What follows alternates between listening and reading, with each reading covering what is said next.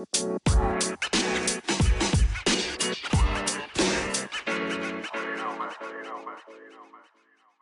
lieve mensen, welkom bij de Back to Blue podcast.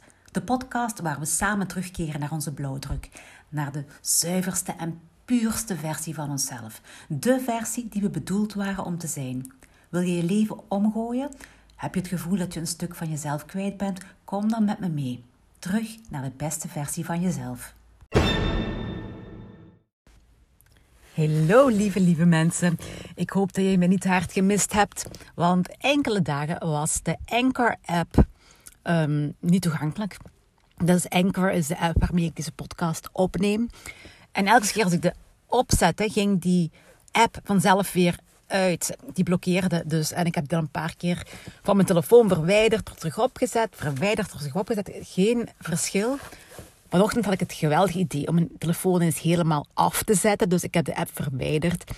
De telefoon helemaal uitgezet, de telefoon terug helemaal aangezet. De app terug opgeladen en toen, uh, toen werkte het wel. Dus ja, zijn we weer. Vandaag, ik zit hier, ik heb net gezwommen. Dus als ik niet goed articuleer, dan is dan dat mijn lippen nog zo van zwemmen zo niet echt goed um, klaar zijn om te praten. Ik wil vandaag met jullie iets delen wat iemand vanochtend via Messenger ter mijn attentie gebracht heeft. Een artikel, uh, eigenlijk een interview dat iemand gegeven heeft. Iemand van Australië. En uh, je weet dat ik een geweldige Australië-fan ben. Al ja, Neighbours-fan, Home and Away-fan. Australië is mijn, wel, was, was mijn dream destination. Maar ik heb daar toch een beetje onrustwekkende dingen van gehoord en die wil ik nu met u delen. Um, het is een interview met een mevrouw. Een mevrouw die heet Haley Hotschen. Hotschen. Ik weet niet eens hoe je het moet uitspreken. En zij is een mevrouw en ik, ze, doet haar interview via zo'n Zoom-sessie. Dus ik zie haar in beeld. Ik schat haar zo in de 20, 20 ergens. Uh, Haley. En zij spreekt hier in een interview met Freddie Sayers. En dat is opgenomen voor Unheard TV. Ik weet niet juist wat dat is. Ik krijg het binnen via Artsen voor Vrijheid, Eerlijke Wetenschap. En daar staat ook nog bij als um, topic medische apartheid. En de titel van het artikel is In het COVID-interneringskamp van Australië. Ja, dat klinkt al heel zwaar. Hè? Nu, dat meisje heeft 14 dagen opgesloten gezeten in Howard Springs. Dat is een COVID-camp um, buiten Darwin, waar naar al de regionale COVID-gevallen naartoe worden gebracht door de autoriteiten. En zij vertelt hier over haar ervaren, hoe zij, ervaringen, hoe zij gedwongen werd om in dat quarantainekamp te gaan. Uh, ze had een feestje gehad en een vriendin van haar had na dat feestje positief getest. En um, ze hadden de, de nummerplaat van haar scooter gevonden of zoiets. Via weet ik wat. En zij werd geïdentificeerd als een nauwe contactpersoon van die vriendin. Die mensen kwamen dus gewoon aan haar huis aanbellen. En die vroegen haar of zij een COVID-test had gedaan. Maar zij loog en ze zei dat ze er een had gedaan, terwijl dat niet zo was. En van daaruit begon een of andere horrorfilm. Eh, een heel deel gebeurtenissen. En zij vertelt eerst, toen zij dus uh, loog over die test, blokkeerden politieagenten mijn oprit. Ik liep naar buiten en zei: Wat is er aan de hand? Hebben jullie me. Testen jullie mee op COVID? Wat is er gaande? En die, die mannen zeiden: Nee, je wordt weggehaald en je hebt geen keus.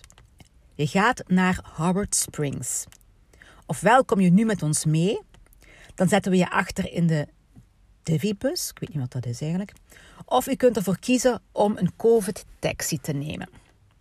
En ze zegt daarop: Ik stem hier niet mee in en ik begrijp niet waarom ik niet gewoon thuis kan isoleren na een uh, hoog risicocontact, hè, zoals andere mensen doen. En die mannen zeiden: Er is ons zojuist van hogerop verteld waar we je heen moeten brengen. En dat is alles wat er is. Er is geen discussie mogelijk. Zij kreeg toen de opdracht om een tas in te pakken. En zij kreeg ook te horen dat zij na een negatieve test terug zou vrijgelaten worden. Zij werd in dat busje gebracht en naar daar gevoerd, naar Howard Springs. Toen ze daar aankwam, vertelde ze haar dat ze daar 14 dagen zou moeten blijven. Dus dat feit van een negatieve test, dat, dat klopte dus al niet meer. Hè? En ze zegt daarover: Je wordt letterlijk met je koffers op de rug van een golfbuggy gezet. En deze mensen zijn in gevaarlijke pakken en zo. Ze willen niet bij je in de buurt komen omdat ze denken dat je besmettelijk bent. Ze zetten je letterlijk af bij je kamer. Ze komen niet zeggen, ze checken niet, ze doen niets. Je krijgt je maaltijden eenmaal per dag bezorgd in je kotje. En je blijft daar voor de rest alleen achter. Um, gedurende de 14 dagen dat, dat Haley daar vast zat, werd zij drie keer getest op COVID. En zij testte drie keer negatief. Um, ze werd ook een keer gestraft omdat ze de beslotenheid van haar hutje zonder masker had verlaten. En daarom werd ze bedreigd met een boete van 5000 Australian dollars. Een andere keer werd haar valium aangeboden om haar te kalmeren. En zij vertelt hierover: Je voelt je alsof je in de gevangenis zit. Je hebt het gevoel dat je iets verkeerds hebt gedaan. Het is onmenselijk wat je doet. Je bent zo klein, ze overweldigen gewoon en je bent letterlijk niets. Je doet wat ze zeggen of je zit in de problemen en ze zeggen dan: we sluiten je voor langer op. Ja, ze dreigen er zelfs mee dat als ik het nog een keer zou doen, we je tijd hier zullen verlengen. Tussen quote marks. Nu, zij is uit dat kamp geraakt na die 14 dagen, maar ze is wel haar job kwijtgeraakt. En in heel die periode, tot nu toe, heeft, zij, heeft niemand haar verteld wat haar rechten zijn. Zij is niet in contact gebracht met een advocaat of zo. Helemaal niks. Er wordt helemaal niks van, van gerecht gezegd. Um, nu, in die staat, in Darwin, of, of ja, waar wat dat ook ligt, daar zijn in totaal 290 gevallen van COVID uh, getest, positief getest. En er, zijn nog geen enkele, er is nog geen enkele dode geregistreerd. Dus die zijn daar. Ja, we kunnen dat ons niet voorstellen. Hè? Wij, kunnen ons dat niet voorstellen. De Northern Territories, territories dus dat is het noorden van Australië, die hebben relatief weinig te lijden gehad. Uh, minder in ieder geval dan de andere Australische regio's. Want in het zuiden is het, is er veel, zijn er heel veel lockdowns geweest. Maar in het noorden hebben ze daar heel weinig last van gehad. En toch nemen die draconische maatregelen. Um, Town, ik weet niet wat dat voor een stad is, maar ook in het noorden ergens, kende vorige maand een snelle lockdown omdat er drie gevallen waren vermeld. Dus ze zijn daar in Australië heel, uh, heel nauwkeurig, heel, heel, ja, heel draconisch mee bezig. Nu, het Howard Springs Centrum um, is door de Australische regering beschreven als het veiligste en meest functionele ontwerp voor quarantaine in, ons, in Australië. Dus een quarantainekamp, waar je dus niet vrijwillig naartoe kan gaan, maar waar je naar gebracht wordt je moet onmiddellijk je woning verlaten. Je moet alles achterlaten. Je wordt in een hutje gestopt. Jij alleen, helemaal in isolement. Je krijgt enkel je maaltijden één keer per dag gebracht. En voor de rest sta je helemaal alleen. En het mentale welzijn, want er zijn daar ook... Dat toen zij er was, zijn er drie mensen ook gevlucht. En ze zei van, ik heb er ook over nagedacht om te vluchten. Maar je weet niet wat dan de, de de gevolgen gaan zijn, de consequenties gaan zijn als ze u terug zouden vinden. Um, dus uh, nu, dit kamp, de Howard Springs in Dor buiten Darwin dan, dat heeft gediend als model voor quarantainekampen elders in Australië. Waarbij de Australische regering samenwerkt met deelstaatregeringen om Centers for National Resilience in Melbourne Brisbane en Perth te realiseren. En in de, na de verwachtingen zullen er in de komende zes maanden en ook in die plaatsen dus die kampen worden opgezet. Ja, dat is haar verhaal een beetje. Um, het meisje is, is, is vrij nu, heeft geen job meer, heeft ja, een groot trauma uiteraard. Het rare wat zij ook in haar interview vertelt is dat zij dus met een groep vriendinnen is samengekomen. Maar één vriendin is positief getest. Al de andere vriendinnen waren niet in dat quarantainekamp.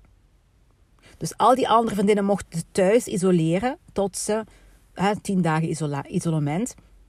Maar alleen zij werd meegenomen naar de quarantainekamp. En ze heeft dan gevraagd, ja, maar waarom zit ik hier, waarom zit ik hier, waarom zit ik hier? En uiteindelijk hebben ze haar gezegd dat zij gestraft wordt om te liegen tegen de autoriteit.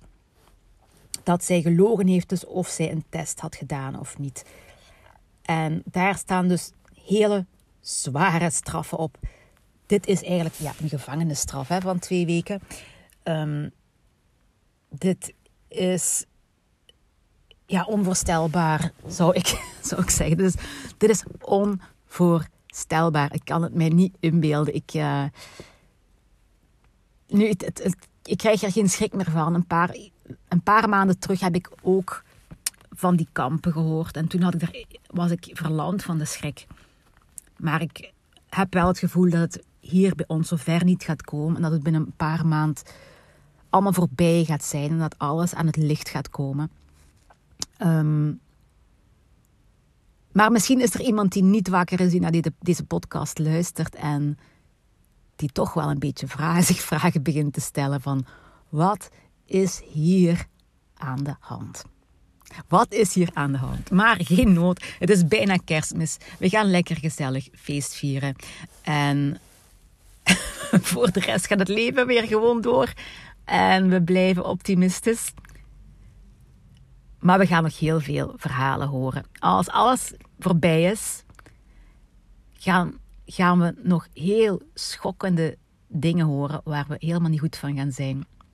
En de mensen die voorbereid zijn, die weten wat er aan de gang is, die gaan minder geschokt zijn dan de mensen die zich nog steeds niet bewust zijn van, van wat er gaande is.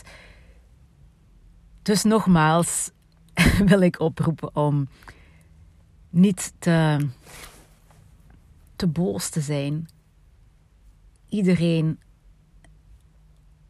in zijn of haar waarde te laten en klaar te staan om die mensen op te vangen die, ja, die gaan eronder doorgaan. Ook al zijn ze nog gezond, dan gaan ze er mentaal, die gaan heel geschokt zijn. Omdat wij nu al zoveel maanden of een jaar al hier in dit verhaal mee zijn. En die mensen gaan daar ineens ingedropt worden in een geweldige horrorfilm waar ze nooit van gedacht hadden dat het werkelijkheid zou kunnen worden.